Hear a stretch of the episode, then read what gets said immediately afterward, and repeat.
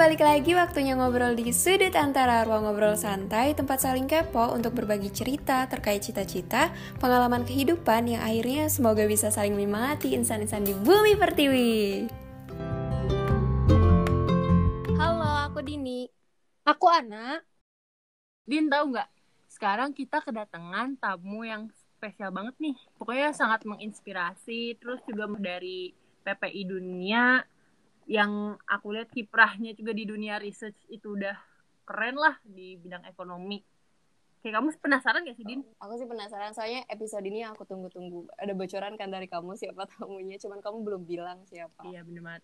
Pasti teman-teman juga pada penasaran, apalagi pas udah lihat coming soon-nya juga makin penasaran lagi nih. Ya udah, biar gak membuang waktu, kita langsung panggil aja nih, Din. Halo, Kak Tama. Halo Kak Tama. Iya, halo Dini dan Ana. Apa kabar? Halo, Alhamdulillah baik Kak. Kakak gimana, Kak? Baik? Alhamdulillah baik. Halo teman-teman semua, nama saya Tama. Eh, saya juga kebetulan alumni dari Universitas Pajajaran, sama seperti Ana dan Dini. Tapi angkatannya lumayan nggak lumayan jauh sih, sebenarnya cuma beda 4 tahun ya kita. Saya angkatan 2012, Ekonomi Studi Pembangunan, dan alhamdulillah baru selesai juga uh, S2 dari Corvinus University of Budapest, jurusan International Economics and Business, spesialisasi International Trade.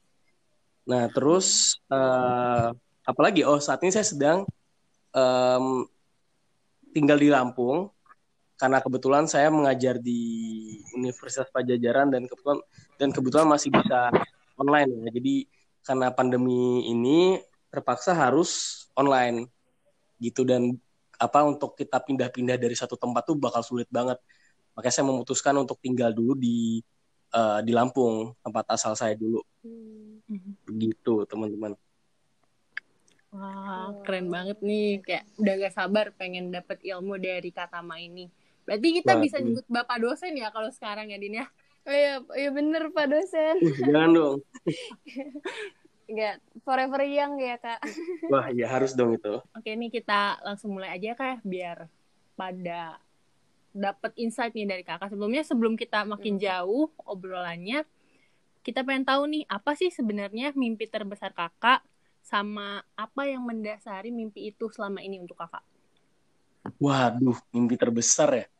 Kayaknya kalau misalkan uh, mimpi itu atau cita-cita itu ada fase-fasenya gitu loh. Jadi kayak misalkan dari umur uh, dari TK lah ya katakan TK sampai kelas 6 SD itu ada cita-cita tersendiri. Terus dari SMP sampai SMA tuh udah cita-cita tersendiri.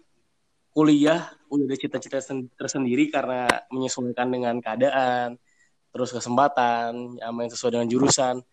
Terus saat ini ya ada lagi gitu loh cita-cita yang lainnya. Tapi in general sih secara garis besar uh, cita-citanya yang pasti ya bisa bermanfaat aja sih bagi orang. Walaupun mungkin tuh kayak banyak semua orang bakal bilang pengen bermanfaat bagi orang. Tapi kalau misalkan saya bilang sih hmm. cita-cita saya ya cukup uh, punya bisnis.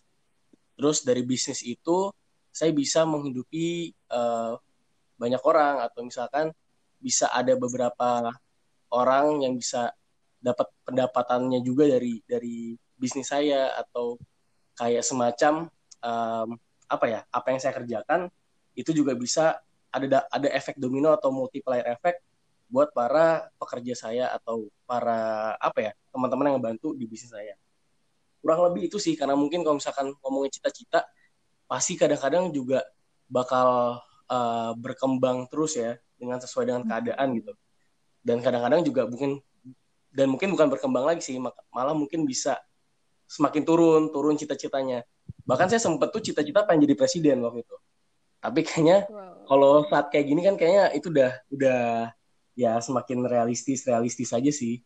Tapi ya kalau saya sih ditanya cita-cita yang sekarang ya simple. Pengen buat suatu bisnis dan uh, banyak pekerja dan pekerjanya bisa merasakan dampak yang positif dari bisnis yang saya buat. Gitu. Amin. Keren, keren banget ya, Nak. Amin, amin. Ya. Kalau boleh tahu, Kak, tadi kan pengen buka bisnis yang bisa membuka lapangan pekerjaan nih buat banyak orang dan memberikan hmm. efek domino. apa sih yang mendasari kakak punya insight itu di awal Jadi simpelnya itu sebenarnya gini. Dari dulu waktu zaman uh, kuliah itu kebetulan saya juga aktif di himpunan SP Unpad. Mungkin Hmm. kalau misalnya teman-temannya Ana atau teman-temannya Dini dengar apa salah satu juga ada, ada anak SP Unpad. Nah, itu saya dulu, Mhm. dulu pernah di Hima SP Unpad. Kebetulan juga kalau misalkan uh, Ana sama Dini pernah dengar Sosial D, pernah tahu nggak Sosial D dari ya aku Hima. SP Unpad? Nah, dulu Mhm. saya jadi ketua pelaksana tiga besar dulu sebutannya. Jadi eh, ada OCP, ketua pelaksana sama pra pelaksana. Nah, saya waktu itu ketua pelaksananya. Dan waktu itu saya ikut sosial D itu eh, dari apa namanya dari dari tingkat dari tingkat saya satu, jadi maksudnya jadi staff, terus jadi ketua pelaksana sampai jadi SC. Jadi emang tiga Mhm. tahun ngikutin acara sosial D. Dan konsepnya pun berubah-berubah. Dulu waktu yang pertama hanya membantu dari segi apa ya kita ngebantu baju, kita ngebantu air bersih, ngebangunin WC, kita ngebuat masjid yang kayak gitu-gitu. Waktu saya jadi staff, pas udah menjadi ketua pelaksana itu rada berubah konsepnya. Jadi kita membuat suatu kayak literasi keuangan, terus kayak gimana cara si masyarakat desa itu eh, nggak hanya kita kasih apa istilahnya ikan ya, tapi kita kasih kita kasih kail. Nah waktu itu kita buat acara pelatihan bisnis karena di desa waktu itu desa di Sumedang eh, dan biasa di situ tuh dia udah punya penghasil wayang-wayangan gitu. Nah itu terus kita kasih cara gimana cara marketing, cara jualin, cara eh sorry marketing gitu ya, cara ngatur keuangan ya waktu itu kita kasih tahu cara kayak gitu. Terus pas saya jadi eh, SC pun juga sama, kita bantu masyarakat desa. Waktu itu bekerja sama dengan Pak Dwi Purnomo. Kalau teman-teman pernah dengar, Pak Dwi Purnomo itu juga Oh, salah iya, satu saya dosen keren eh, di Unpad Pak? di Maaf. FTIP itu juga waktu kita kita kerjasama dengan beliau dan ya itu mungkin mendasari itu sih dan walaupun setelah lulus waktu itu saya sempat kerja juga di eh, Kementerian BUMN satu tahun tapi setelah saya kuliah lagi terus eh, berubah lagi ma- ma- apa mindsetnya nih jadi kayak saya berpikir kayak kalau misalkan saya lulus apa kuliah S2 udah dibayarin gitu kan, maksudnya dapat beasiswa. Masa iya sih harus eh, sama-sama berebut lapangan kerja yang sama dengan para apa ya, dengan dengan para ini ya, sebutannya kayak teman-teman yang sekolah di dalam negeri gitu loh yang bayar sendiri. Kenapa nggak saya buat lapangan kerja gitu, simpelnya. Akhirnya ya dari situlah saya sekarang, walaupun sebenarnya waktu dari kuliah dulu juga punya bisnis sih, namanya Letter Go, sekalian promosi nih. Jadi kayak barang-barang barang-barang apa fashion gitu, dompet segala macam. Nah itu juga akhirnya dari situlah mulai saya seriusin lagi.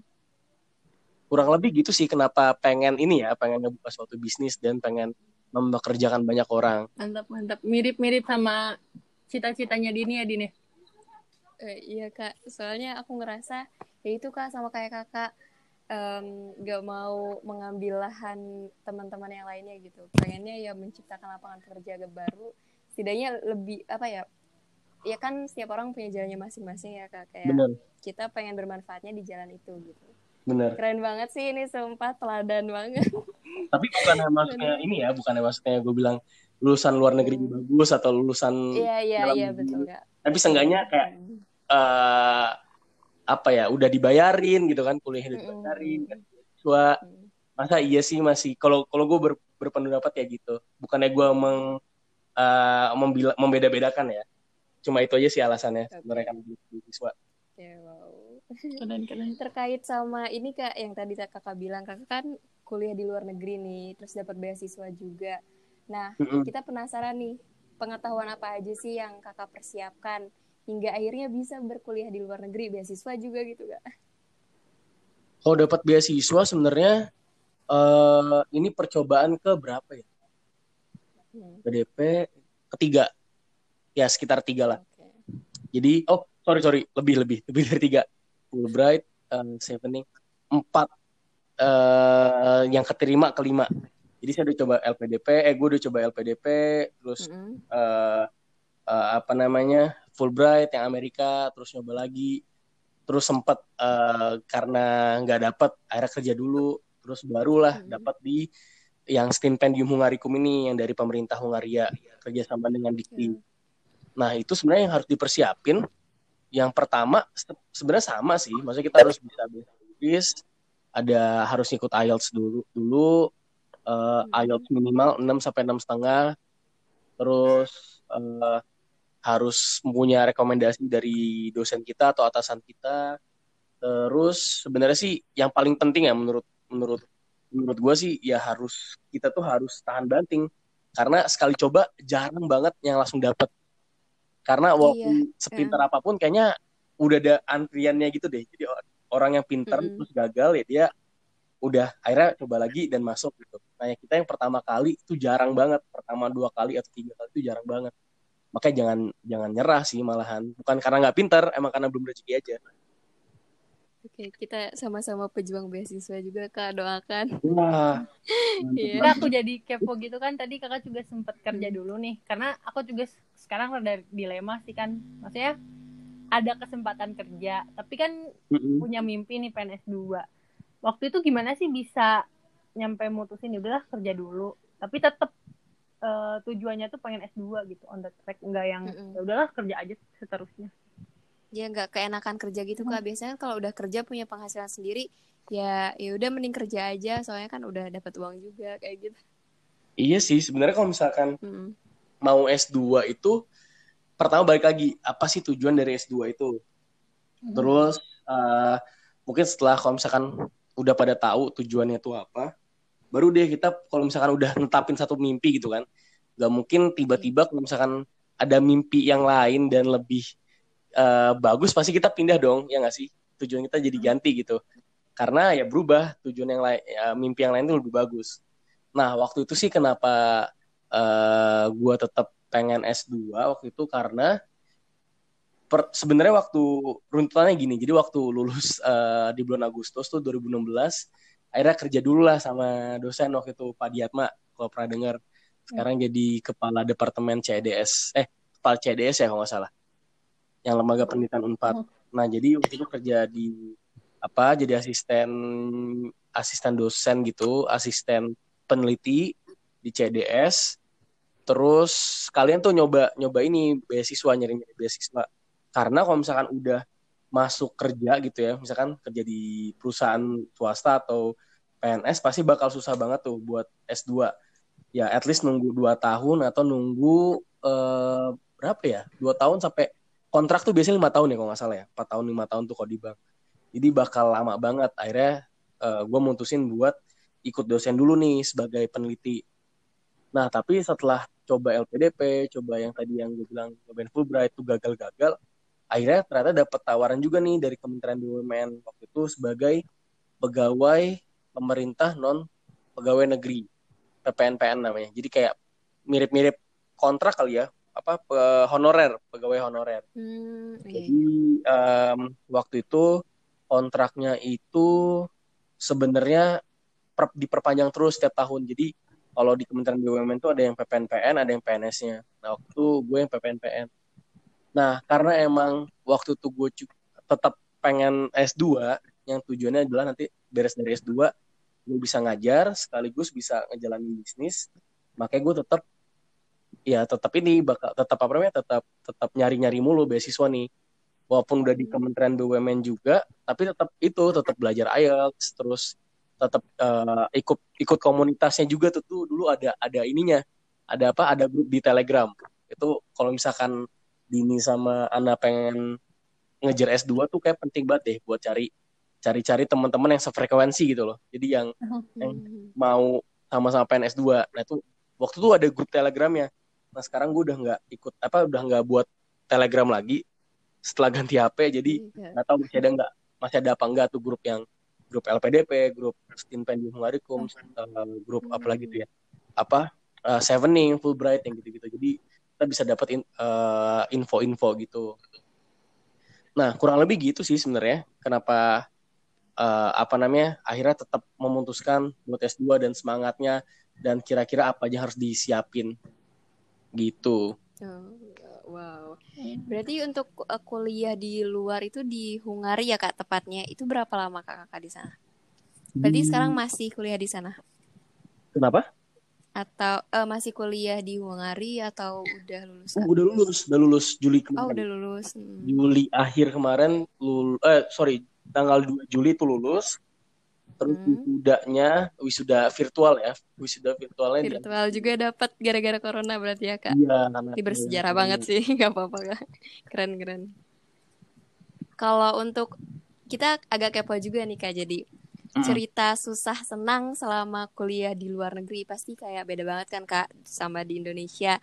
Ada nggak sih kayak homesick homesicknya atau hal-hal kayak gitunya gitu Kak? Kalau kuliah di luar negeri tuh pasti pasti dong homesick namanya. Biasanya Hmm. kita eh, di sini ada GoFood, terus mana-mana tuh enak. Masa ada bisa bawa motor sendiri gitu kan maksudnya Iya bawa betul. kendaraan pribadi nggak perlu eh, apa namanya nggak perlu desek-desekan sama orang walaupun sebenarnya pas di sana tuh transportasinya pun bagus maksudnya ada Hmm. ada ada tram ada subway ada bus juga jadi hampir di setiap blok itu ada apa ya sebutannya ada transportasi umum lah. Jadi nggak terlalu banyak nggak terlalu capek. Bahkan em, menurut gue ya jadi kita jalan pun tuh nggak capek gitu. Di Indonesia kalau kita jalan kan capek ya karena trotoarnya kadang-kadang sempit atau suasananya tuh nggak enak gitu polusi. Tapi di sana enak. Nah Iya betul. homesick tuh pasti. Maksudnya karena tadi nggak ada makanan yang enak terus eh, biasanya kita kalau misalkan apa ya sebutannya em, kalau misalkan apa-apa bisa banyak banyak keluarga gitu banyak kenalan banyak teman banyak keluarga Hmm. Nah, kalau di sana tuh ya terbatas. Paling kalau misalkan kita homesick, eh kalau misalkan gue homesick ya gue balik ke PPI gitu. Ke teman-teman PPI atau eh, ada acara KBRI itu yang paling tunggu-tunggu tuh. Jadi kayak kita kumpul-kumpul Hmm. di KBRI atau ada acara PPI. Lebaran juga di KBRI berarti ya? Lebaran di KBRI, terus acara Oh. upacara-upacara tuh di KBRI. Jadi kita tunggu tuh kalau misalkan biasanya kalau kita SMA kan paling males kan namanya upacara kan. Nah, Iya. kemarin pas di sana ya, kita malah senang kalau ada Semangat upacara. banget. Semangat banget ada makan gratis, ada ketemu teman-teman sama-sama Indonesia yang biasanya Mhm. capek pakai bahasa Inggris kan. Capek ngomong, Iya bener. capek bicara pakai bahasa Inggris. Terus ketemu sama orang Indonesia, jadi lebih enak tuh ngomong pakai bahasa Indonesia. Terus kan Hmm. kalau kalau temen bisa jadi tem apa kalau menurut menurut gue sih bule itu bisa banget jadi teman. Tapi kalau misalkan untuk temenan banget kayak orang Indonesia tuh susah banget ternyata. Jadi ya itu sih cara untuk eh, menghilangkan homesick. Tapi em, menurut gue pribadi sih gue sangat menikmati banget S2 di di luar negeri. Walaupun ya walaupun tadi yang gue sebutin tadi homesick segala macem, tapi ya seru pertama dapat pengalaman baru. Sampai gue pernah kerja nguli tuh. Waktu itu kerjanya sebagai eh, motongin kertas, motongin kertas terus eh, ngangkat-ngangkat kertas gitulah di pabrik percetakan gitu. Itu kayak pengalaman pengalaman baru juga kan. Maksudnya eh, nggak pernah dapetin di Indonesia walaupun itu kayak berguna banget gitu loh. Jadi kayak ya selain pengalaman hidup tapi juga gaji gede banget ternyata kerjaan kayak gitu. Itu sih suka dukanya di Hmm. kuliah di luar negeri. Kalau di Hungari sendiri, mostly mereka udah bahasa Inggris kan kak, maksudnya nggak ada bahasa Hungari atau emang seharusnya pakai bahasa Hungari gitu? Sebenarnya program eh, oh ya kalau gue programnya bahasa Inggris. Nah untuk Hmm. masyarakat di sana tuh mereka ngerti bahasa Inggris, tapi dia punya bahasanya sendiri namanya bahasa Mojor. Nah Hmm. itu tuh em, mirip-mirip apa ya? Mirip Rusia juga enggak sih. Maksudnya dia punya bahasanya sendiri. Nah kadang-kadang kalau orang tua itu dia bakal kayak orang Prancis gitulah. Jadi dia bakal susah, eh bakal nggak mau dia bakal apa ya? Dia nggak mau menggunakan bahasa Inggris. Terus dia bakal, dia mungkin dia juga susah untuk ngomong bahasa Inggris. Tapi kalau misalkan kita belanja di eh, supermarket, terus misalkan kita mau pergi ke nonton bioskop atau segala macam, itu bahasa Inggris kok. Orang-orangnya ngerti bahasa Inggris. Oke. Kalau masalah pekerjaan kakak kemarin itu eh, sebenarnya di Hungari itu apa sih orang-orangnya itu menerima orang yang bahasa Inggris kah atau emang harus bisa bahasa lokalnya gitu Kak? Mereka nerima banget bahasa, maksudnya yang nggak bisa bahasa Hungaria pun mereka juga Mhm. nerima juga tapi mungkin balik lagi ke pribadinya mereka ya mungkin ada juga yang dia nerima-nerima aja tapi ada yang nggak suka juga ada juga sih sebenarnya yang mungkin dia merasa merasa apa ya kayak wah ini jatah jatah gue untuk kerja tapi diambil sama apa foreigner gitu. Itu juga ada mungkin. Tapi sih sejauh ini tuh orangnya juga baik-baik aja sih ramah-ramah aja. Dan teman sekelas gue juga ada beberapa yang orang Mojor. Eh sorry orang Hungaria dan dia juga uh, welcome. Malah dia yang baik gitu ngasih tahu cara buka bank account terus kayak uh, ya inilah misalkan kayak apa ya life hacksnya di Budapest lah. Jadi kayak ini yang murah tuh di sini terus kayak yang ini harus dihindari kota ini karena nggak aman gitu gitu oh ya kak mau nanya kan kalau belajar di luar negeri karena aku juga pernah exchange jadi tau lah beda oh, gitu. bener. di mana? Ya, di Korea di Hanyang. Oh, kayak iya, iya. Perspektifnya kan jadi lebih luas tuh apalagi mandang ekonomi. Kakak kan emang ekonomi internasional nih ekonomi dunia terus digitalisasi sekarang ada nggak sih pengaruh yang sangat signifikan ketika kakak belajar di sana terus akhirnya dibawa ke Indonesia jadi mikir nih oh ternyata gini nih harus sebenarnya Indonesia mulai menerapkan gitu. Ada nggak kak? Sebenarnya uh, menurut gue ya sebenarnya startup kita tuh lebih bagus-bagus dibanding startup yang ada di Buda uh, Eropa, especially in Budapest ya.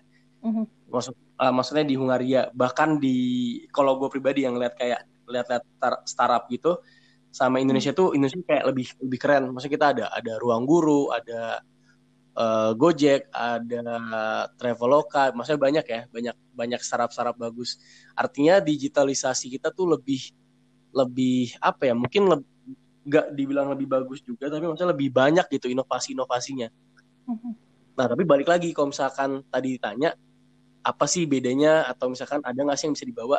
Mungkin yang bisa gue bilang bedanya ya di sana tuh gak ada kesenjangan. Jadi orang yang paham tentang uh, digital atau orang yang udah connect ke internet tuh mostly tuh udah semua gitu loh.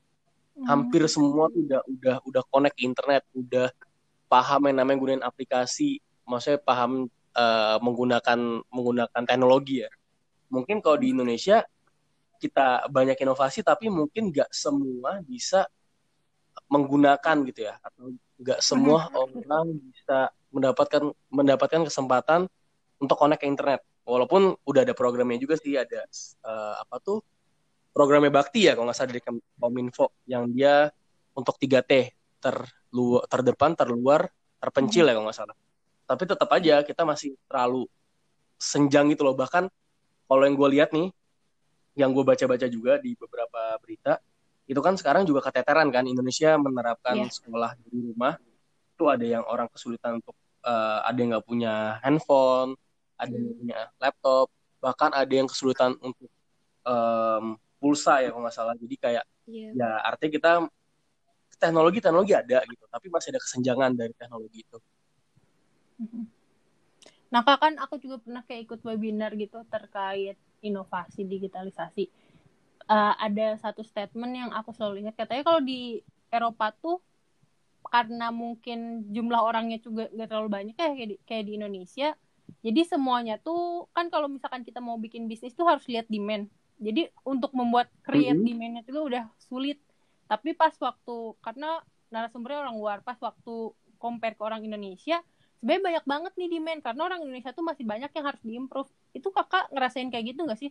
Bener nggak sih statement itu tuh nah, kalau dikomparasi? iya. Itu bener banget sih menurut gue juga. Jadi kayak waktu itu uh, sempet mikir sama teman-teman bareng di di Budapest gitu.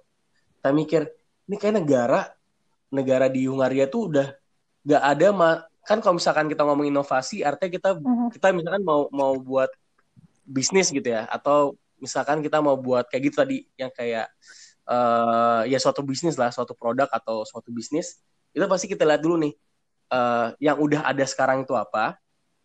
Terus kira-kira kalau misalkan kita buat suatu inovasi itu bisa membuat suatu efisiensi atau enggak.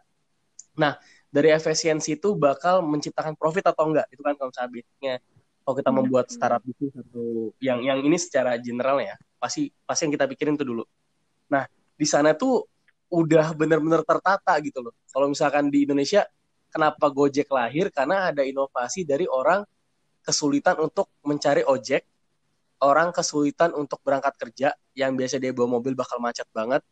Terus uh, orang kesulitan apa untuk mendapatkan harga yang fair gitu loh. Kadang-kadang nembak, kadang-kadang segala macam gitu.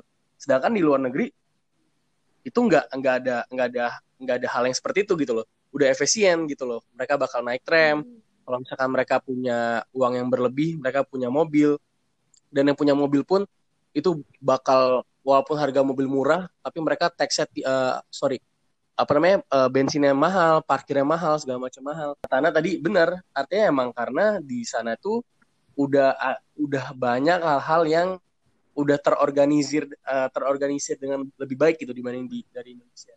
Makanya mungkin kalau misalnya buat startup bisnis atau buat bisnis itu demandnya mungkin kurang karena yang diinovasiin itu udah susah juga karena udah efisien. Hmm. Itu sih pendapat gue ya. Iya, itu juga yang pas aku dapat dari webinar. Ternyata emang sebenarnya karena apa ya sumber pendapatan Indonesia juga kan terbesar dari konsumsi kan makanya sekarang menuju hmm. resesi juga kan konsumsinya berkurang. Bener, bener banget. Indonesia tuh uh, kalau misalkan teman-teman tahu tentang ini ya apa uh, per, ekonomi pertemuan ekonomi kan tuh uh, uh, apa ya pertemuan ekonomi itu dari CIGNX mm-hmm. ada consumption, investment, government expenditure sama net export. Nah Indonesia itu paling apa ya tulang punggungnya kali ya atau yeah. porsi terbesarnya itu konsumsi. Mm-hmm. Makanya kayak akan sebenarnya akan selalu ada peluang ketika emang mau berusaha benar, di Indonesia. Bener banget. Mungkin ke bahasan lain uh, ada pertanyaan selanjutnya. Kalau yang kita tahu kakak juga kan uh, join di salah satu project UMKM Hack nih kak. Iya mm -hmm. betul kan? Iya benar. Nah, uh, boleh gak sih kak ceritain kayak latar belakang dari UMKM Hack ini? Uh, UMKM Hack itu salah satu program dari Komisi Ekonomi. Nah kebetulan Uh, eh, gue ketua komisi ekonominya periode 2019-2020. Nah ini baru demisioner juga sih, sekitar sekitar beberapa minggu yang lalu baru demisioner. UMKM Mac itu sebenarnya awalnya banget itu kita pengen buat suatu buku awalnya banget ya. Jadi kita pengen buat suatu buku yang isinya itu tentang kayak uh, bisnis one on one gitu loh. Jadi buat para uh, anak muda atau orang yang pengen berbisnis mereka bisa baca dulu buku kita gitu. Dan kayak di buku apa yang pengen kita buat tadi itu kayak kita pengen kasih tahu tentang uh, operation itu apa aja terus uh, marketing itu apa aja gimana cara buat buat apa ya gimana cara memasarkan produk kita atau jasa jasa yang kita buat sama gimana cara untuk menghitung keuangannya. Jadi cara cara buat laporan keuangan, proyeksi keuangan. Nah, setelah kita buat nih programnya, ternyata mulai berkembang nih ide-idenya. Kenapa kita nggak buat suatu um, bukunya itu ya tadi, jadi masih tetap buku gitu loh, awalnya banget. Buku yang ada kisah suksesnya juga. Jadi orang nggak hanya tahu tentang apa namanya tentang basic bisnisnya, tapi mereka juga tahu tentang gimana sih bisnis itu jalan gitu loh. Jadi nggak nggak hanya dalam sekejap mata orang buat ide bisnis bagus terus langsung jadi bagus gitu loh, langsung profitable atau langsung banyak uangnya gitu. Langsung jadi apalah istilahnya langsung jadi kaya gitu. Tapi itu ada proses di situ, makanya kita buat kisah sukses UMKM. Nah, kisah suksesnya pun kita cari UMKM yang dia itu emang udah lama, uh, dia emang udah established dari lama banget, dan kita juga cari bisnis yang dia tuh cepat banget naiknya. Jadi kayak baru tahun baru dua tahun tiga tahun itu udah langsung melejit. Uh, udah udah apa ya sebutannya? Udah udah uh, apa ya istilahnya tuh dia udah dapat profit yang yang udah diprediksi dan emang segitu gitu profitnya. Jadi nggak naik turun ya itu nggak naik turun banget.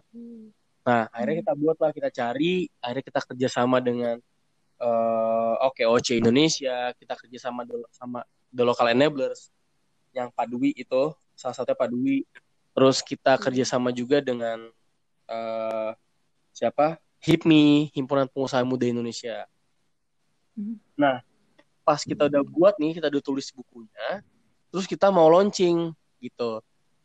Pas kita mau launching kayak dari Pak Dwi itu ngasih, ngasih saran sih ngasih saran ke kita kayaknya kalau teman-teman buat buku doang tuh sayang banget orang tuh orang Indonesia itu baca buku itu dikit banget mereka itu nggak nggak apa ya nggak bakal orang tuh uh, orang Indonesia tuh nggak hobi baca buku gitu loh bahkan buku sekarang pun diubah banyak gambarnya dibanding banyak dibanding tulisannya gitu lebih banyak ilustrasinya Iya, lebih visual. Hmm, bener. Gitu. Iya. akhirnya Iya, kita betul. coba kita coba uh, cari cara lain kita coba bentuknya kayak emosi walaupun emang ini buku bukan untuk untuk buku berbayar ya. Jadi emang buku rencana awalnya emang kita cetak tuh murni kita bagiin gratis. Nah dari uh, apa namanya dari situ kita buatlah program yang namanya uh, gerakan seribu buku untuk UMK uh, untuk remaja masjid dan UMKM UMKM terdampak. Karena pas banget momennya dengan COVID-19 ini. Jadi emang uh, background backgroundnya adalah yang sekarang paling terdampak kan UMKM bahkan yang mikro gitu yang yang kecil kecil dan mikro. Nah akhirnya kita buat uh, gerakan tersebut kita yang lain kan udah bantunya APD ngasih bantu makanan gitu kan. Tapi Mm-mm. ada hal lain yang juga penting gitu loh. Kalau misalkan kita ngasih bantuan ilmu kan tuh juga walaupun nggak langsung terlihat dampaknya sekarang tapi kan bisa dampaknya tuh bisa bisa long term dan mungkin baru kelihatan tuh nanti gitu loh. Makanya kita buat gerakan seribu buku ini. Jadi yang lain udah bantu APD bantu apa istilahnya yang alat kesehatan segala macam ya makanan segala macam kita bantunya lebih ke ilmu gitu jadi harapannya adalah dengan nanti angkanya udah terkendali atau misalkan si COVID ini udah udah tahu cara kontrolnya. Jadi orang-orang orang-orang yang eh, apa ya, yang eh, orang-orang tuh minat minatnya untuk berbisnis sudah ada gitu loh. Atau yang tadinya udah punya bisnis dan dia pengen sempurnain udah bisa gitu, udah tahu cara sempurnain bisnisnya dia. Dia UMKM itu dapat pulih dengan cepat gitu loh. Makanya namanya Secret Free UMKM. Jadi dari situlah sebenarnya berangkatnya. Jadi kita buat gerakan seribu buku. Tapi kalau misalkan kita cuma buat gerakan seribu buku, itu kurang nendang juga gitu loh. Kayak cuma kita minta-minta doang. Awalnya kita mikirnya gitu kan. Kan saya ketua ketua komisinya. Jadi waktu itu kita ngobrol lagi, brainstorming lagi. Kayaknya kalau misalkan cuma buat gerakan seribu buku tuh kayak cuma apa ya? Cuma ini doang, minta-minta doang. Sayang banget kalau cuma minta-minta. Akhirnya kita buatlah. Kita uh, istilahnya kayak bedah buku. Kita buat workshop-workshop tentang bisnis kanvas model, tentang uh, marketing, kita buat tentang gimana cara cara buat laporan keuangan, ditambah kita buat juga CEO talk. Jadi uh, kita buat sharing-sharing bisnis itu, kita buat sharing-sharing bisnis sekitar berapa ya? Sekitar lima lima acara. Yang pertama itu sharing bisnis tentang uh, jadi pembicaranya itu juga sama dari SP4 si uh, Teh Vale itu dia punya uh, apa namanya celosia etnik yang punya baju gitu baju batik sama satu lagi madu masagi teh teh teh teh Ina. Oh iya, kayaknya. Nah itu juga dia juga sama-sama kayaknya kayaknya aku denger ya dari dari dari unpad juga dua-duanya. Iya, iya. Nah itu kita juga pengen menonjolkan kenapa kita buat dua-dua perempuan. Karena kita pengen menonjol apa ya kalau dulu kan yang pengusaha laki-laki gitu kan yang yang sering dengar tapi kita pengen buat stigma itu berubah gitu loh. Kita buat acara pertama yang perempuan gitu loh. Karena menurut gua pribadi ya porsi perempuan tuh juga penting dalam dalam dunia bisnis gitu makanya waktu itu kita buatlah eh, apa namanya buat CEO Talk yang pertama tuh tentang eh, eh, pengusaha pengusaha dari dari kalangan perempuan. Dan alhamdulillahnya juga banyak orang apa ibu-ibu yang nonton. Terus juga ya pokoknya banyak lah yang yang nonton tuh dari sisi perempuan. Dan menurut gue juga penting banget kayak ibu-ibu tuh eh dia walaupun dia ibu rumah tangga sebenarnya juga banyak peluang bisnis yang bisa dia lakuin gitu loh. Misalkan katakan dia bisa menjahit atau dia bisa buat eh, PO PO makanan gitu kan atau dia bisa bercocok tanam gitu di rumahnya hidroponik ya hidroponik bukan sih namanya itu Hmm, hidro hidro Iya, jadi kayak semacam itu. Nah, akhirnya dari situlah kita baru buat lagi yang acara eh, lainnya tuh tentang tentang apa namanya tentang eh, tentang bisnis ekspor impor, tentang bisnis properti gitu-gitu deh. Terakhirnya adalah kita buat acara dengan Pak Standia Uno dengan Pak Mardani Maming, Pak Bahlil Lahadalia, eh, Pak Syafrudin, Wakil Ketua DMI, sama eh, Bang Arif Roshid. Dia komisaris komisaris Mandiri Syariah. Nah, akhirnya dari situlah kita dari situlah ceritanya tentang si program ini ya, program UMKM Hack ini. Kurang lebih gitu sih. Wah, keren. Oke. Ih, Setuju banget sih kak kayak aku aku juga apa ya senang banget gitu makin sini tuh makin banyak IRT sukses I mean kayak ibu rumah tangga sukses ibu-ibu trainer kayak gitu ya Bener. kak keren banget Iya, terus kayak kan karena aku juga suka baca ya, kayak kebanyakan tuh mungkin buku tuh ngebahasnya Steve Jobs atau enggak Microsoft. Mm-mm. Pokoknya yang luar-luar dan ketika tahu ada programnya kakak ini keba- bukan kebanyakan emang mengulasnya juga kan terkait yang punya Indonesia. Dan kalau misalkan aku tanya tetangga-tetangga juga kan kebetulan sekarang juga ngajar dari rumah ya. Mm-mm. Ya kebanyakan pengen baca tuh bingung kan bisnis tuh harus kayak gimana. Akhirnya kan Iya. rata-rata mau bisnis juga di sini masih pinjem ke rentenir. Jadi kan kadang-kadang kasihan gitu kan. Bagus banget sih pemikirannya. Terus kak, aku tadi pengen sedikit bahas kan kakak bilang kalau bisnis tuh nggak boleh yang cepet naik cepet turun. Sedangkan sekarang ada isu nih. Eh, kakak tahu nggak sih isu yang tentang Oyo? Hotel Hmm. Oyo. Pokoknya kayak itu kan startup Mm-mm. bisnis hotel pariwisata dari India itu dia juga kan termasuknya yang cepet banget merebak ke Asia Tenggara bahkan Mm-mm. ke Jepang ke Indonesia Vietnam tapi akhirnya tuh bobrok gitu sih fondasinya nah menurut kakak gimana sih caranya ketika kita pengen bangun bisnis yang bisa melesat tapi tetap merhatiin fondasi dari bisnis itu sendiri Jadi sebenarnya kalau misalkan kalau ngomongin eh, sebenarnya tadi gue nggak bilang ini sih tentang kalau bisnis cepat naik cepat turun. Tapi gimana caranya kita tuh membuat suatu bisnis fondasi itu udah kuat. Nah, Mhm. membuat fondasi itu tuh nggak instan. nah, Tapi ada juga sih misalkan kayak yang cepet ya kayak Gojek gitu. Dia cepet naik gitu loh. Maksudnya dia dia udah buat fondasi yang kuat, dia udah punya walaupun ya digoncang juga ya, maksudnya ada tadi penolakan, ada pelarangan dari eh, Kementerian Perhubungan, terus eh, ada penolakan dari ojek pangkalan, iya ya gitu ya. Tapi maksudnya emang dia berproses lah. Dan kayak contoh ruang guru gitu yang em, kayak gue denger-dengar juga salah satu webinar dari Belva atau dari temen gue yang kerja di ruang guru, dia bilang ruang guru itu sekarang kelihatan gedenya ya sekarang, tapi mereka tuh em, bertahannya gitu ya, bertahan bertahan hidupnya waktu susah-susah ruang guru tuh orang-orang nggak tahu. Bahkan tuh kayak itu bisa. Ada tiga tahun sampai empat tahun tuh mereka yang harus berusaha keras untuk apa ya istilahnya mencari profit mencari profit. Yang ceritanya seperti itu. Terus juga sama kayak kita bisa.com itu juga kan sekarang aja baru eh, bukan sekarang juga sih maksudnya dua tahun terakhir kali ya kita bisa.com tuh mulai-mulai naiknya. Tapi sebelum itu tuh juga banyak trial and errornya kayak bahkan dia berubah bisnis modelnya kayak gitu. Itu kan yang apa namanya kayak kayak apa waktu itu Timi pernah kita undang juga tuh ke acara webinarnya kita. Acara webinarnya Komisi Ekonomi. Nah itu ya kayak gitu juga kan. Maksudnya kayak kalau misalnya menurut gua tuh semua tuh harus ada proses sih. Jadi kayak kita harus kuatin dulu eh, tim kitanya terus kita buat apa kita kuatin dulu eh, apa istilahnya kayak prinsipal dari bisnis kitanya gitu loh. Teamworknya eh, terus kayak em, apa ya sebutannya keuangannya yang gitu-gitu yang orang lain nggak lihat gitu loh. Orang lain kan ternyata cuma dari wah rame nih banyak yang gunain gitu. Profitnya tinggi omsetnya eh, apa omsetnya tinggi. Tapi mereka tuh belum tahu loh gimana eh, struktur organisasinya gimana cara mereka jalur komunikasi antar si staff atau antar si pengurus eh, bisnisnya gitu. Nah itu tuh yang harus kita lakuin dulu yang pertama gitu loh. Jadi eh, balik lagi dalam membangun suatu bisnis tuh nggak nggak ada sih yang instan menurut gue pasti bakal bakal ada apa ya bakal ada cobaannya gitu jadi nggak nggak langsung tiba-tiba naik banget gitu.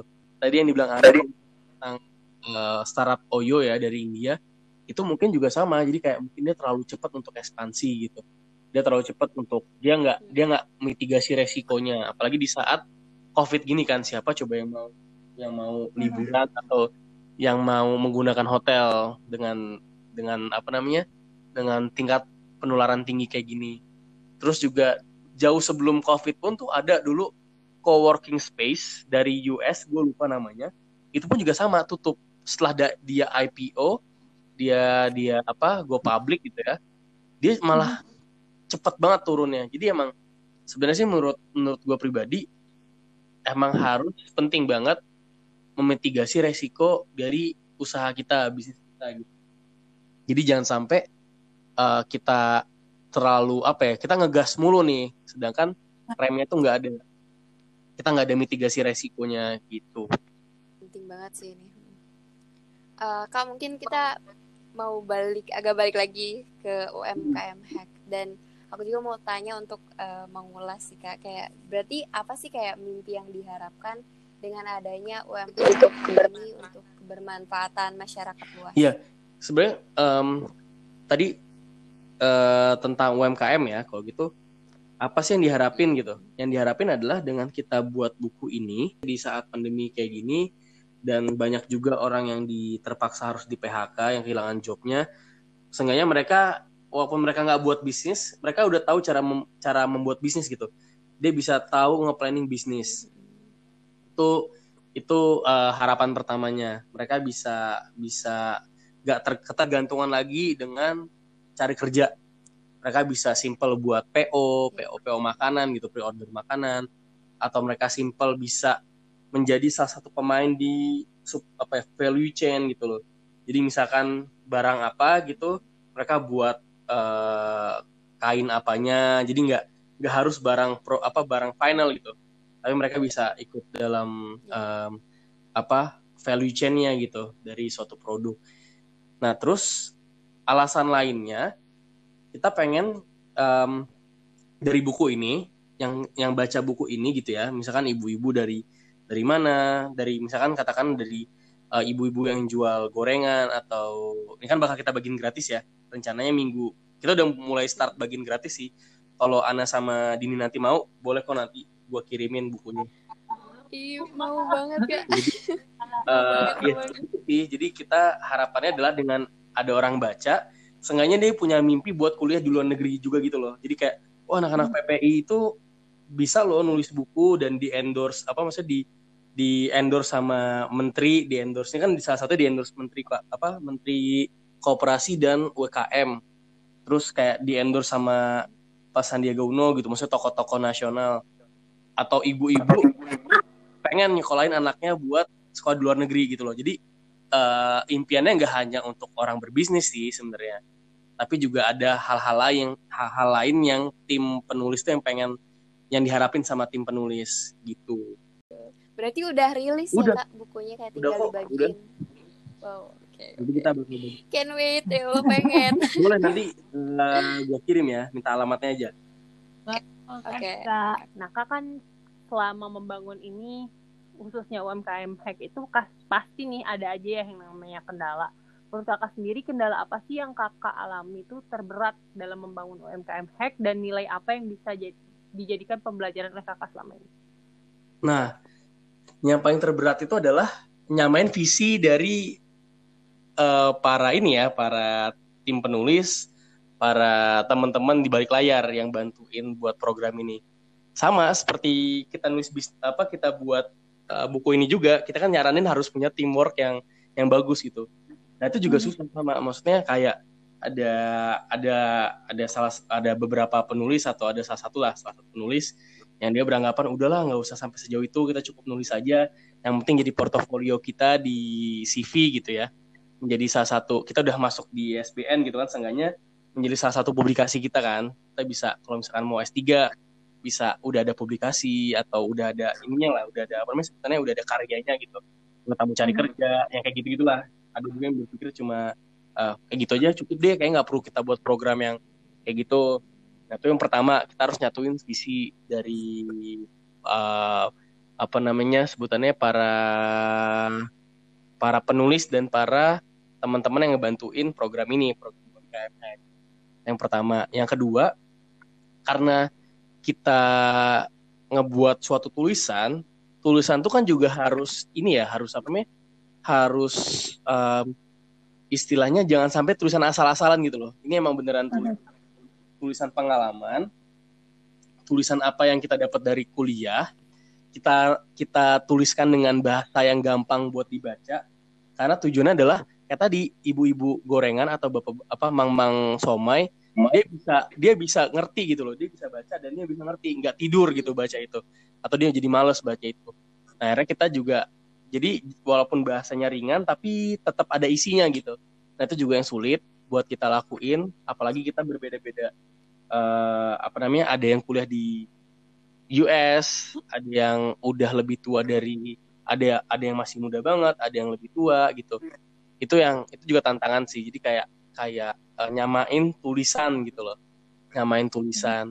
Terus um, karena kita juga mimpinya adalah di endorse sama para tokoh nasional itu juga sulit. Maksudnya kayak bukan sulit su, nggak su, um, sulit-sulit gampang sih. Maksudnya kayak kita harus nunggu kata pengantarnya dulu. Terus kayak uh, ada yang apa ya sebutannya uh, support tapi karena sibuk jadi lama buat ngirimin testimoninya atau kata pengantarnya. Tapi so far itu jadi jadi ini juga sih jadi apa namanya jadi apa yang kita tulis ya jadi kayak kita lakuin juga gitu loh.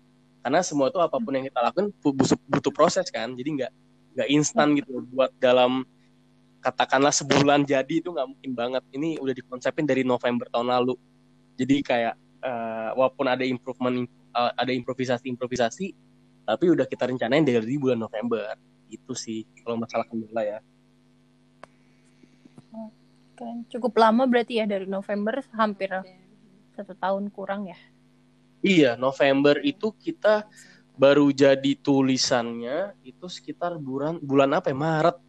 Jadi kayak kita tadi itu namanya itu eh namanya buku ini belum speed recovery UMKM jadi kita tadi itu namanya itu hmm. tentang UMKM 101 kalau nggak salah. Iya, UMKM 101. Jadi kayak cara apa ya basic bisnis UMKM. Tapi setelah kita lihat uh, wah sekarang kondisinya lagi Covid gitu.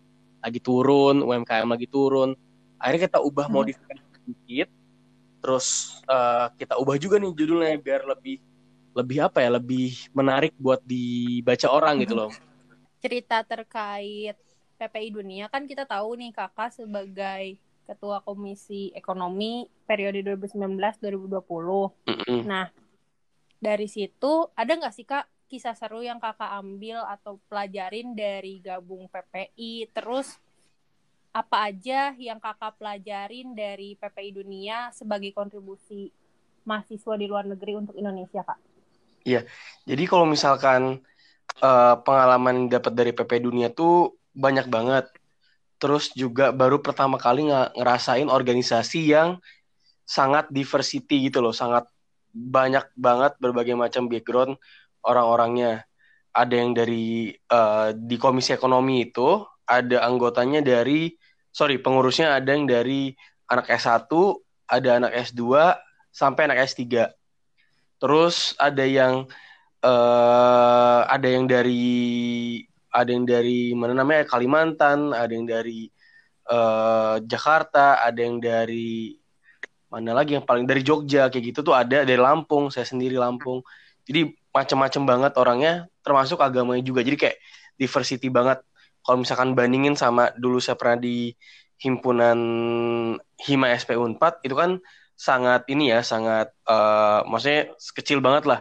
Intinya sama-sama ekonomi, backgroundnya, terus uh, organisasi yang sama Sedangkan di apa namanya sebutannya PPI dunia tuh ada yang dia emang belajar agama, ada yang dari Timur Tengah kan belajar agama, ada yang emang fokus belajar uh, apa namanya ekonomi itu sendiri, terus ada yang sekolah yang di Amerika, ada yang di Eropa, jadi emang macam-macam banget Ana dan Dini. Jadi itu sih paling dapat pengalaman uh, cara berkomunikasi dan cara um, bekerja sama atau ya pengalaman untuk bekerja sama dengan lintas apa ya sebutannya dengan berbagai, berbagai macam orang dari background yang berbeda-beda. Nah, itu yang pertama. Yang kedua, karena tadi yang saya sebutin kan kalau misalkan udah S3 itu beda banget ya cara cara komunikasinya, cara cara kerjasamanya. Nah, itu juga dapat pengalaman yang baru. Uh, stok, eh, gue ketua, ketua komisinya, tapi di ketua divisi kajian tuh anak S3 dan beda juga universitasnya. Dulu S1-nya dia di, dari UI namanya Mas Denny Irawan. Dia anak S3 di Australia National University. Terus jadi itu juga suatu pengalaman kan untuk bisa kerjasama apalagi saya harus memposisikan sebagai ketua komisinya gitu yang yang kalau misalkan secara hierarki di atasnya dia. Itu juga tantangan banget. Terus uh, ada juga yang udah lebih-lebih tua dari saya. Maksudnya dari secara umur ya ada juga yang udah berpengalaman kayak ada yang dari Kementerian Keuangan. Dan itu kan juga harus harus apa ya kita harus memposisikan dengan um, diri kita emang juga punya kemampuan kan. Kalau misalkan kita nggak punya kemampuan pasti teman-teman S3 maupun teman-teman yang udah punya pengalaman kerja yang jauh di atas saya itu pasti bakal nggak mau dengerin. Nah itu juga saya harus bisa memposisikan diri. Itu yang kedua. Jadi kurang lebih itu sih kalau menurut saya. Selain nambah temen ya tapi ada dua itu juga yang menurut saya pengalaman yang bisa diambil dari PPI Dunia. Kalau hal-hal seru lainnya, yaitu pasti program-program kerjanya Komisi Ekonomi. Jadi ada kajian, kita buat tiga kajian. Kajian pertama itu tentang tinjauan perekonomian Indonesia 2015 sampai 2019. Jadi periode, periode Pak Jokowi yang pertama.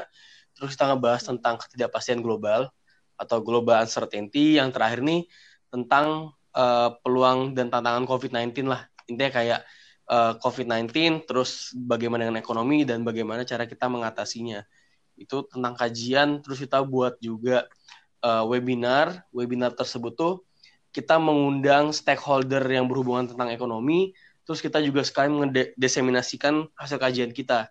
Itu juga itu juga program yang seru. Dan terakhir itu ada program champion. Oh ya ada ada program champion Uh, jadi program pelatihan bisnis waktu itu kita juga kerjasama dengan berbagai macam organisasi dan instansi pemerintah yaitu Kementerian Pariwisata dan Ekonomi Kreatif, terus HIPMI, terus The Local Enablers, terus uh, kita juga kerjasama dengan apa namanya uh, berbagai macam mentor, ada yang ada S2 dan S3 bisnis, ada juga yang emang dia praktisi bisnis. Seperti um, ada yang punya namanya rumah makan uh, maaf ada yang punya namanya Bougainville Cipta itu juga dia CEO-nya sebagai mentor. Terus ada ada mentor dari uh, ini juga alumni Unpad namanya Resli. Dia juga yang punya granola granola identitas granola pernah dengar nggak? Itu juga uh, dia waktu itu yeah. jadi mentor.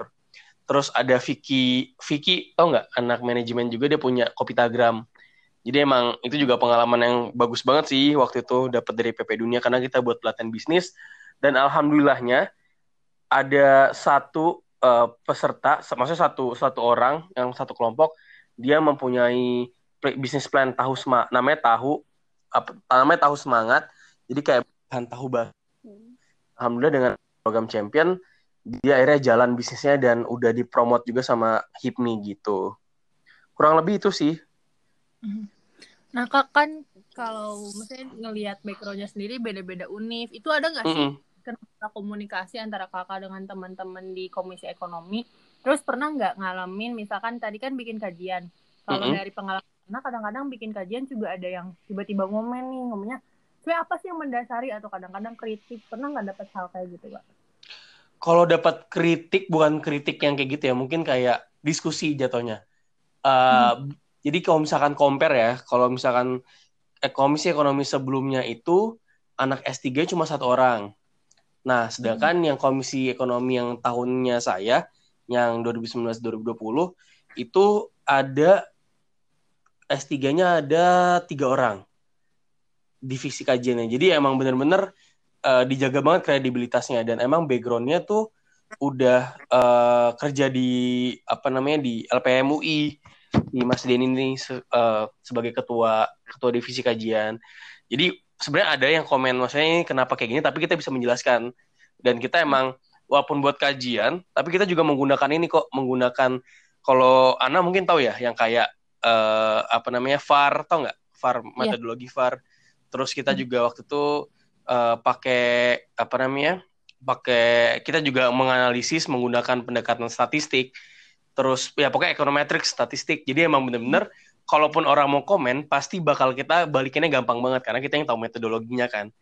Kece hmm. beda beda kajian yang bener-bener hanya pendekatannya itu kuali ya kualitatif. Maksudnya kayak yang ya ini pendapat saya ya. Jadi mungkin lebih lebih enak karena pakai kuanti kita jelasin pakai pendekatan statistik dan oke okay, dan alhamdulillah responnya bagus-bagus semua. Sampai kita kirim-kirim kirim juga ke ke instansi pemerintah ke Kementerian Perdagangan, Kementerian Keuangan, terus ke Bapenas, terus kita juga diseminasiin dan alhamdulillah responnya bagus sih. Hmm. Kalau untuk dari sisi kajian ya, untuk masalah yang tadi yang ditanya. Hmm.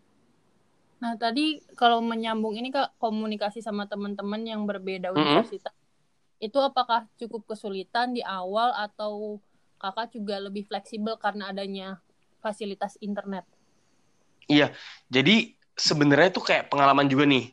Kita kan PP Dunia itu uh, beda waktu, jarak juga jauh, dan tadi juga beda umur gitu kan. Jadi yang uh, kesulitan sih enggak karena saya udah apa maksudnya gue udah dapat juga di PP Hungaria walaupun satu negara tapi beda-beda kota dan nggak mungkin banget kalau misalkan kita ketemu dalam satu kota gitu untuk rapat doang. Pasti kita menggunakan internet. Jadi ketika masuk ke PPI dunia itu dan alhamdulillah ada Zoom juga ya, ada Zoom, ada Google Meet gitu-gitu. Uh, jadi mempermudah juga kita untuk berkomunikasi Nah, tapi yang paling penting tuh harus dijaga waktu. Maksudnya time managementnya tuh harus benar-benar on schedule. Jadi kayak kalau misalkan emang udah uh, janji kita rapat jam, let's say jam, um, kita pasti patokannya Indonesia gitu, jam 19 WIB biasanya.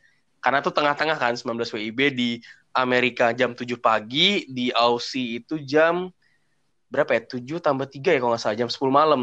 Jadi masih masih tengah-tengah banget lah jam 19 WIB itu. Jadi biasa kita pakai jam 19 19 WIB rapat waktu rapat.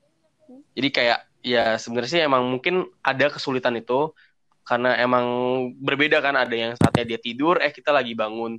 Jadi emang itu harus benar-benar diatur banget waktunya. Gitu sih. Kak kalau boleh tahu biasanya pas mau memutuskan misalkan tadi bikin kajiannya kalau sekarang kan emang covid lagi merebak ya. Tapi mm -hmm. kalau covid ini ngelihat apa yang harus dikajinya itu ap, cuman dari kacamata misalkan oh mm -hmm. ini di dunia lagi merebak nih atau oh ini penting nih buat dibahas hubungannya ke Indonesia. Mm -hmm. Jadi untuk um, buat kajian itu kita emang sebenarnya udah punya planning. Jadi di waktu itu di bulan-bulan ini juga nih, ini kan lagi terbentuk juga ya teman-teman. Uh, apa PP Dunia yang baru kan udah ganti ke pengurusan. Itu waktu itu saya di bulan uh, September Oktober itu pembentukan apa namanya sebetulnya pem, kebe, kebentukan ben, kebentuk suatu pengurus. Nah itu baru juga langsung kita planning apa aja yang bakal dilakuin termasuk kajian. Nah kajian itu sebenarnya udah di planning. Kita buat empat kajian. Kajian uh, uh, tinjauan ekonomi apa tinjauan performa ekonomi jadi kita ngeevaluasi program-program ekonomi yang dilakukan oleh Pak Jokowi di periode pertama sebagai pembelajaran di periode kedua gitu. Terus um, kita buat ini juga tadi rencana mau bahas tentang trade war dan global uncertainty seperti itu. Terus yang ketiga kita mau bahas tentang uh, pemindahan ibu kota.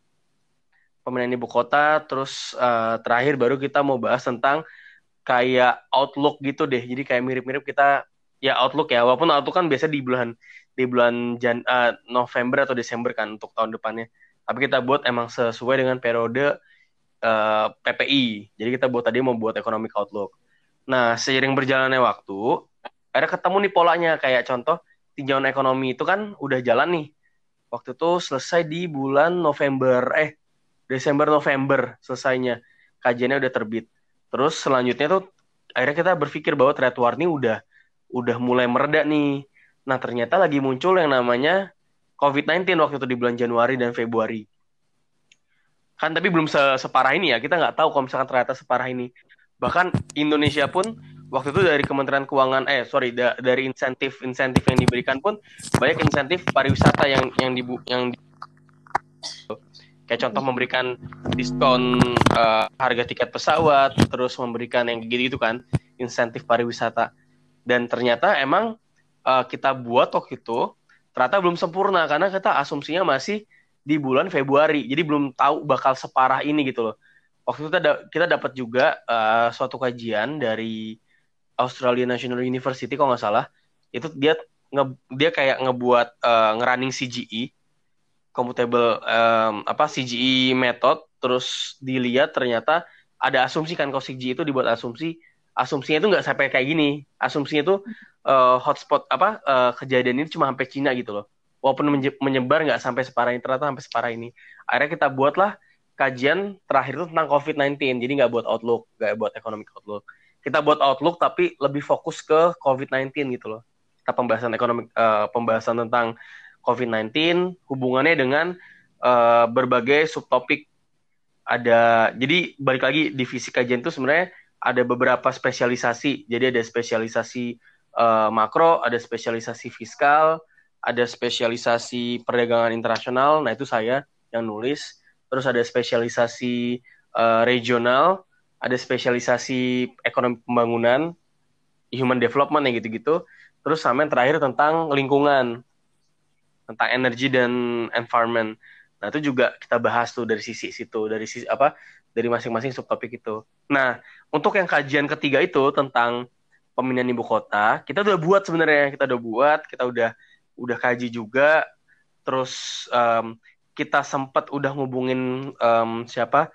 jubirnya Pak Presiden, Pak Fajur Rahman untuk ngasih um, ini kita kajian kita, tapi ternyata uh, pemindahan ibu kota kan dibatalkan ya. Kalau nggak salah waktu itu di bulan, kalau saya nggak salah ya, ini karena rada lupa mungkin di bulan April apa Mei gitu.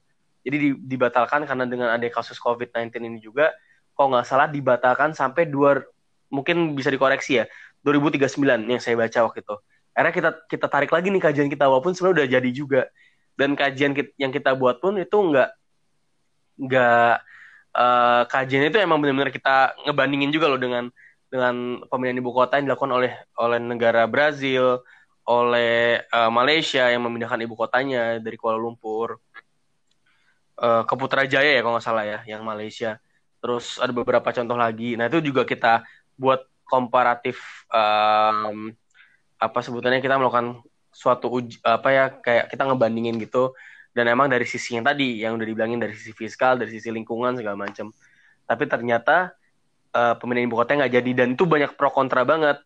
Dan itu kayak kalau misalkan kita kita maksain buat uh, nge-publish si kajian pemindahan ibu kota pasti bakal seolah-olah dibuat nanti PP dunia mendukung pemindahan ibu kota. Sedangkan waktu itu hmm. lagi lagi ini banget kan lagi orang pada nggak suka lagi bukan nggak suka maksudnya pada nggak setuju dengan pemindahan ibu kota.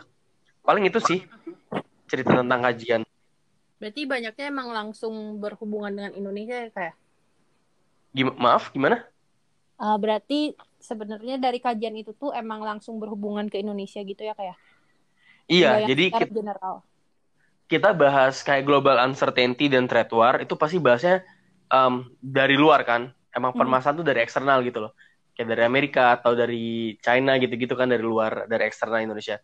Tapi kita tuh membuat suatu kajian emang yang uh, hubungannya dengan Indonesia jadi emang emang bener-bener kita pengen ngasih suatu sumbangsi kepada Indonesia gitu loh. Uh, jadi kayak sejauh mana sih kayak PPI Dunia itu membangun mm -hmm. uh, kepercayaan kepada masyarakat bahwa pelajar Indonesia ini di luar negeri akan memberikan kontribusi terbaiknya bagi bangsa gitu. Hmm, kalau itu sebenarnya um, dari program-program PPI Dunia itu banyak banget yang emang fokus tuh kontribusi kepada Indonesia. Dan walaupun juga sebenarnya banyak anak PPI Dunia yang punya organisasi internasional. Kayak contoh teman saya tuh dia di um, apa namanya jurusan perminyakan dan perminyakan dan energi kalau nggak salah di Rusia. Dan dia anak PPI juga kepala pusgerak saya pusat kajian dan gerakan. Itu dia emang punya um, organisasi internasional juga. Jadi dia ngebahas tentang uh, oil gitu-gitu tapi secara skillnya tapi si PPI dunia ini emang fokus untuk kontribusi kepada Indonesia gitu loh.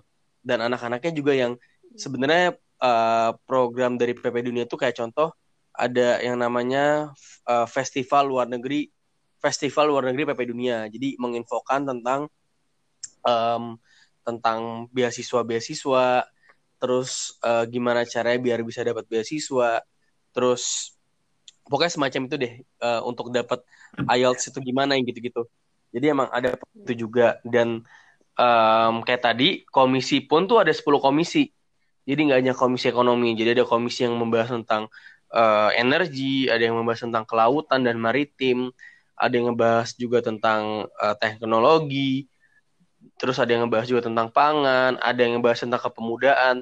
Jadi emang si uh, PPI dunia ini difokuskan untuk sektor-sektor apa aja yang bisa berkontribusi kepada kepada ini kepada Indonesia. Jadi baik gerakan maupun kajian gitu loh.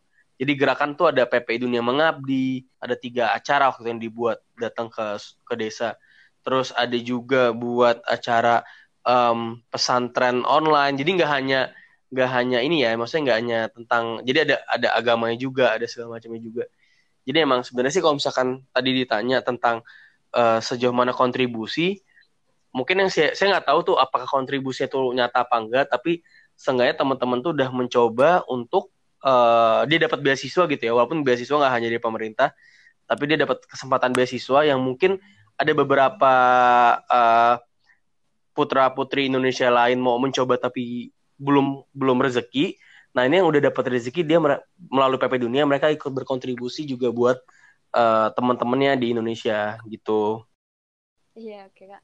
Nah sebenarnya sulit gak sih kak untuk bergabung di PPI ini? Kalau atau ada kriteria tertentu gak sih kak? Aduh malah nambah pertanyaan lagi. Enggak apa-apa, enggak apa-apa, enggak apa-apa banget.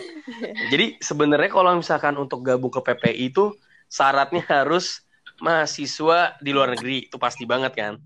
Tapi kalau misalkan uh, sulit apa enggaknya menurut menurut gua sih sebenarnya enggak enggak sulit ya. Karena kalau tapi sebenarnya banyak yang daftar ya. Jadi ada seleksi juga tapi kalau misalkan emang uh, uh, apa namanya pengen berkontribusi terus juga pas wawancara ya mirip-mirip Hima sih dan BEM ya sebenarnya sih gampang atau enggaknya sama aja kayak seleksi seleksi apa namanya seleksi organisasi lainnya termasuk himpunan atau atau HMI atau yang kayak gitu itulah kan banyak banget yang organisasi yang emang diseleksi dulu.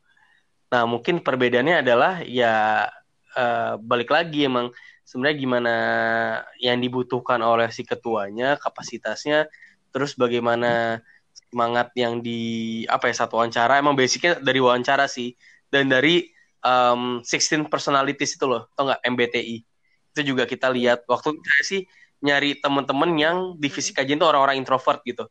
Saya cari yang teman-teman apa anak-anak uh, kajian tuh yang introvert dan pengen cari anak S3 gitu. Biar si kualitas uh, apa namanya kajian tuh bagus dan si kajian ini emang murni orang-orang yang introvert gitu. Saya waktu uh, apa berpikirnya kayak gitu. Terus ada divisi penyajian data dan informasi itu nyari orang ekstra, eks, apa ekstrovert. Jadi orang yang senang nampil, senang buat webinar, senang buat uh, apa namanya yang jago desain, karena kan buat ini juga desain grafis gitu tentang apa isu isu ekonomi terus yang senang pokoknya senang nampil deh senang ikut diskusi gitu-gitu nah satu lagi tentang pelatihan bisnis sama juga. Jadi yang yang uh, yang saya cari waktu itu ENTP yang dia entrepreneur kan. Jadi cari yang itu dan basicnya juga bisnis gitu. Kalau misalkan dilihat dari dari apa namanya dari CV-nya jadi kalau misalkan ditanya sulit apa enggak sebenarnya tergantung sih. Kayaknya menurut saya sih kayaknya ini deh terbuka banget peluang untuk untuk ikut organisasi di PPI dunia. Karena banyak banget mungkin nggak masuk PPI dunia tapi bisa masuk di PPI kota atau PPI universitas. Kalau misalkan itu mungkin naik dikit ke PPI negara atau wilayah gitu ya. Eh sorry uh, eh, PPI negara atau PPI wilayah di negaranya. Atau bisa naik lagi ke PPI kawasan. Nah itu ada ada tiga kawasan kan. Ada Amerop Amerika Eropa, uh, tim Tengka, Timur Tengah dan Afrika, satu lagi Asia Oseania. Jadi sebenarnya peluangnya terbuka banget sih kalau misalkan teman-teman ada yang pengen ikut organisasi PPI.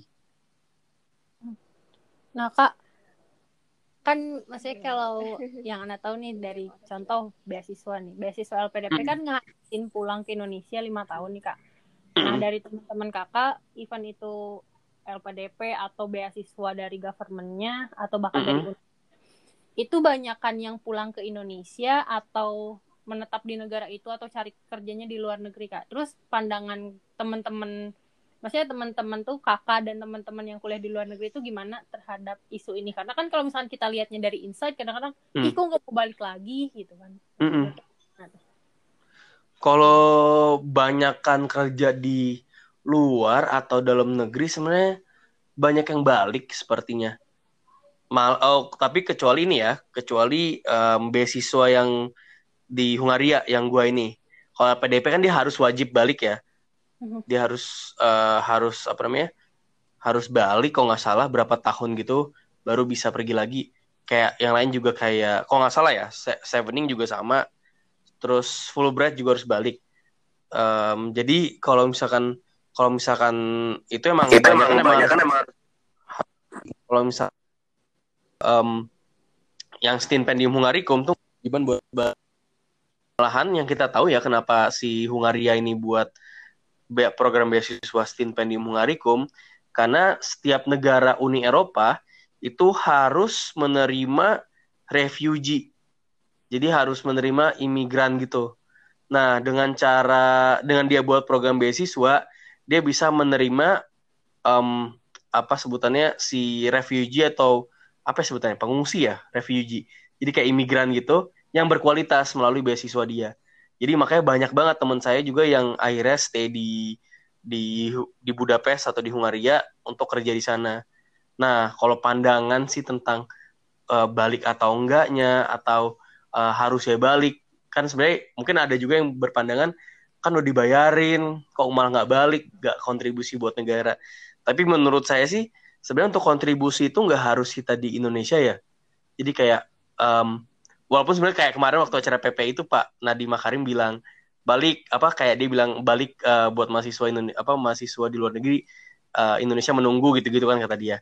Tapi kalau misalkan saya pribadi sih menurut saya tuh em, kontribusi untuk negara tuh banyak banget. Kayak kita kontribusi menginspirasi apa ya istilahnya eh, orang menjadikan kita kayak istilah oh, pengen di keluar negeri itu kan juga salah satu kontribusi kan artinya membuat orang lain tuh semangat untuk kuliah di luar negeri atau untuk kerja di luar negeri gitu. Atau misalkan kontribusi yang lebih lagi nih untuk memberikan devisa negara. Kan walaupun dia kerja di luar negeri dia bakal balik juga kan ke Indonesia. Dan mereka tuh bisa jadi istilahnya juga duta besarnya loh. Malah menurut saya tuh kayak yang efektif tuh yang orang-orang kerja di luar negeri. Jadi dia ikutan kabarin ke temen-temennya gitu loh. Ikut menginfokan tentang Indonesia tuh gini loh. Jadi nggak hanya apa ya nggak hanya di framing oh Indonesia tuh seperti ini. Dengan adanya orang Indonesia yang kerja di luar negeri khususnya kerja ya untuk khususnya kerja bisa mengenalkan Indonesia lebih dalam. Gitu. Nah balik lagi kalau misalkan emang kita harus kalau menurut saya lagi ya kalau misalkan emang semua pelajar di luar negeri itu diharapkan balik emangnya lapangan pekerjaan di Indonesia udah cukup? Gitu yang pertama. Terus yang kedua apakah emang sebenarnya mereka tuh dibutuhkan gitu loh? Ada juga kan beasiswa yang mungkin yang dalam banget ya tentang eh, apa gitu tentang saya saya ngambil contoh aja ya misalkan contoh tentang teknik penerbangan apa gitu. Sedangkan industri penerbangan di Indonesia pun tuh belum belum bagus gitu loh. Sedangkan yang eh, apa namanya yang buat pesawat buatannya Pak almarhum Pak Habibie itu pun dimuseumkan. Nah itu tuh menurut saya tuh sebenarnya eh, apa ya gak harus balik juga sih. Karena emang tergantung dari teman ap- apa yang di em, apa sekolah teman-teman gitu apa s- apa sebutannya itu lulusan teman-teman jadi kayak ya menurut saya sih kontribusi tuh nggak harus balik ke Indonesia. Mau kerja di luar negeri pun tuh juga bisa kok kon- berkontribusi. Itu pandangan saya ya. mungkin saya sedikit berbeda pandangan dengan Pak Nadiem Makarim tuh yang yang bilang ngajak orang apa namanya mahasiswa luar negeri mahasiswa Indonesia di luar negeri untuk balik ke Indonesia. Bukannya saya anti nasionalisme ya tapi itu sebenarnya emang ya kita ini aja sih realistis aja kalau saya pribadi eh tapi tambahannya gini tambahannya adalah kalau misalkan emang mau balik ya buat lapangan pekerjaan gitu bisnis buat bisnis atau buat apa jadi entrepreneur paling itu sih tambahannya Iya benar. Ya, setuju banget. Kayak Setuju banget. sih. mungkin kadang-kadang kita cuman melihat kalau misalkan orang-orang lihat gak balik ke Indonesia tuh dari satu pihak itu nggak secara spesifik karena tadi benar banget waktu case-nya bikin pesawat kan akhirnya buatan Indonesia sendiri malah nggak dipakai gitu sih Mm-mm.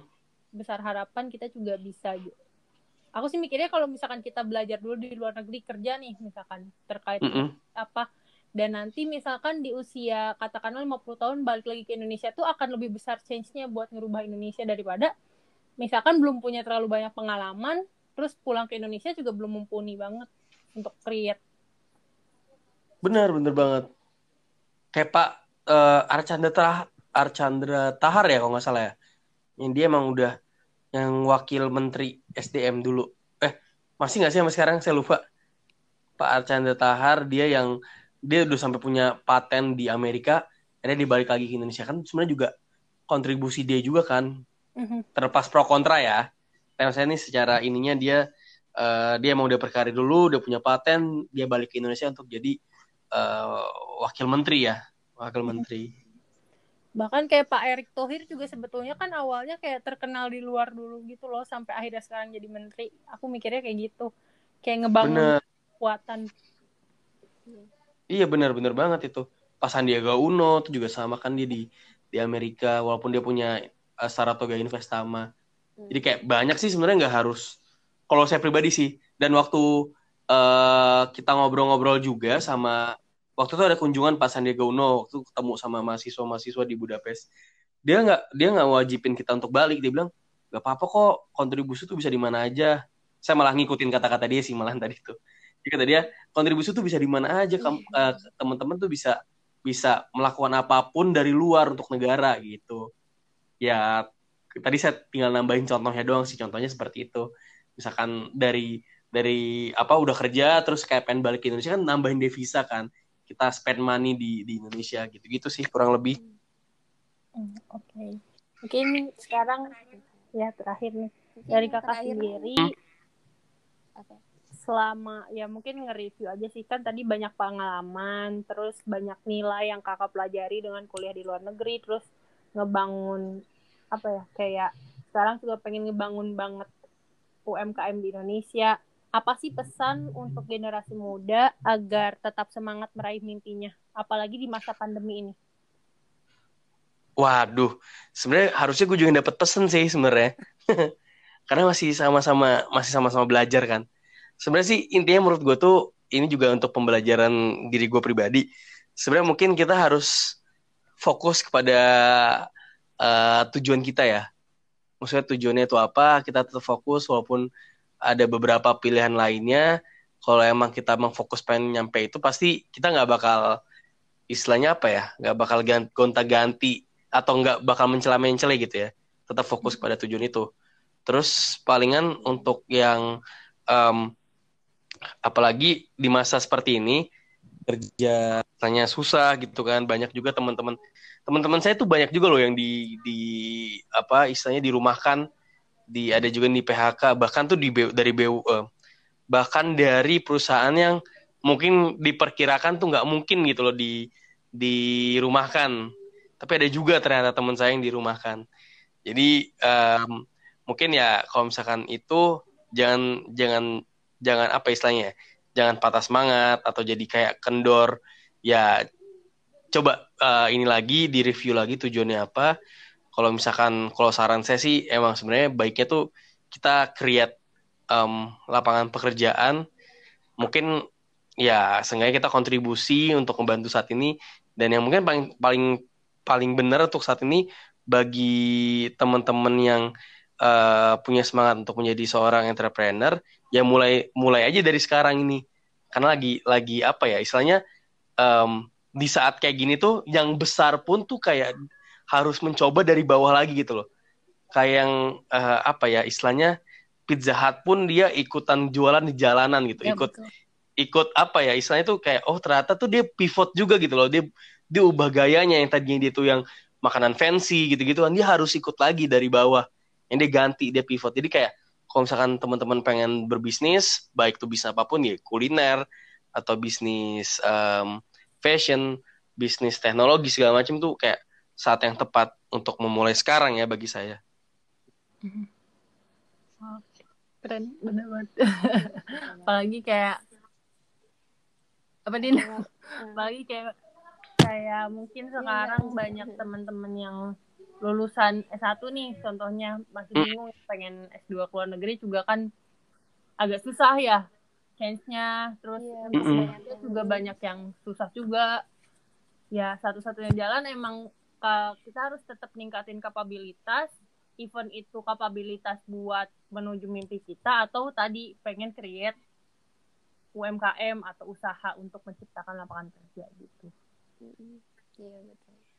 Karena gara-gara banyak yang ditunda gitu nah, nanti yang pas eh, pas di medan Iya, tempurnya betul. itu Mm-mm. banyak gitu.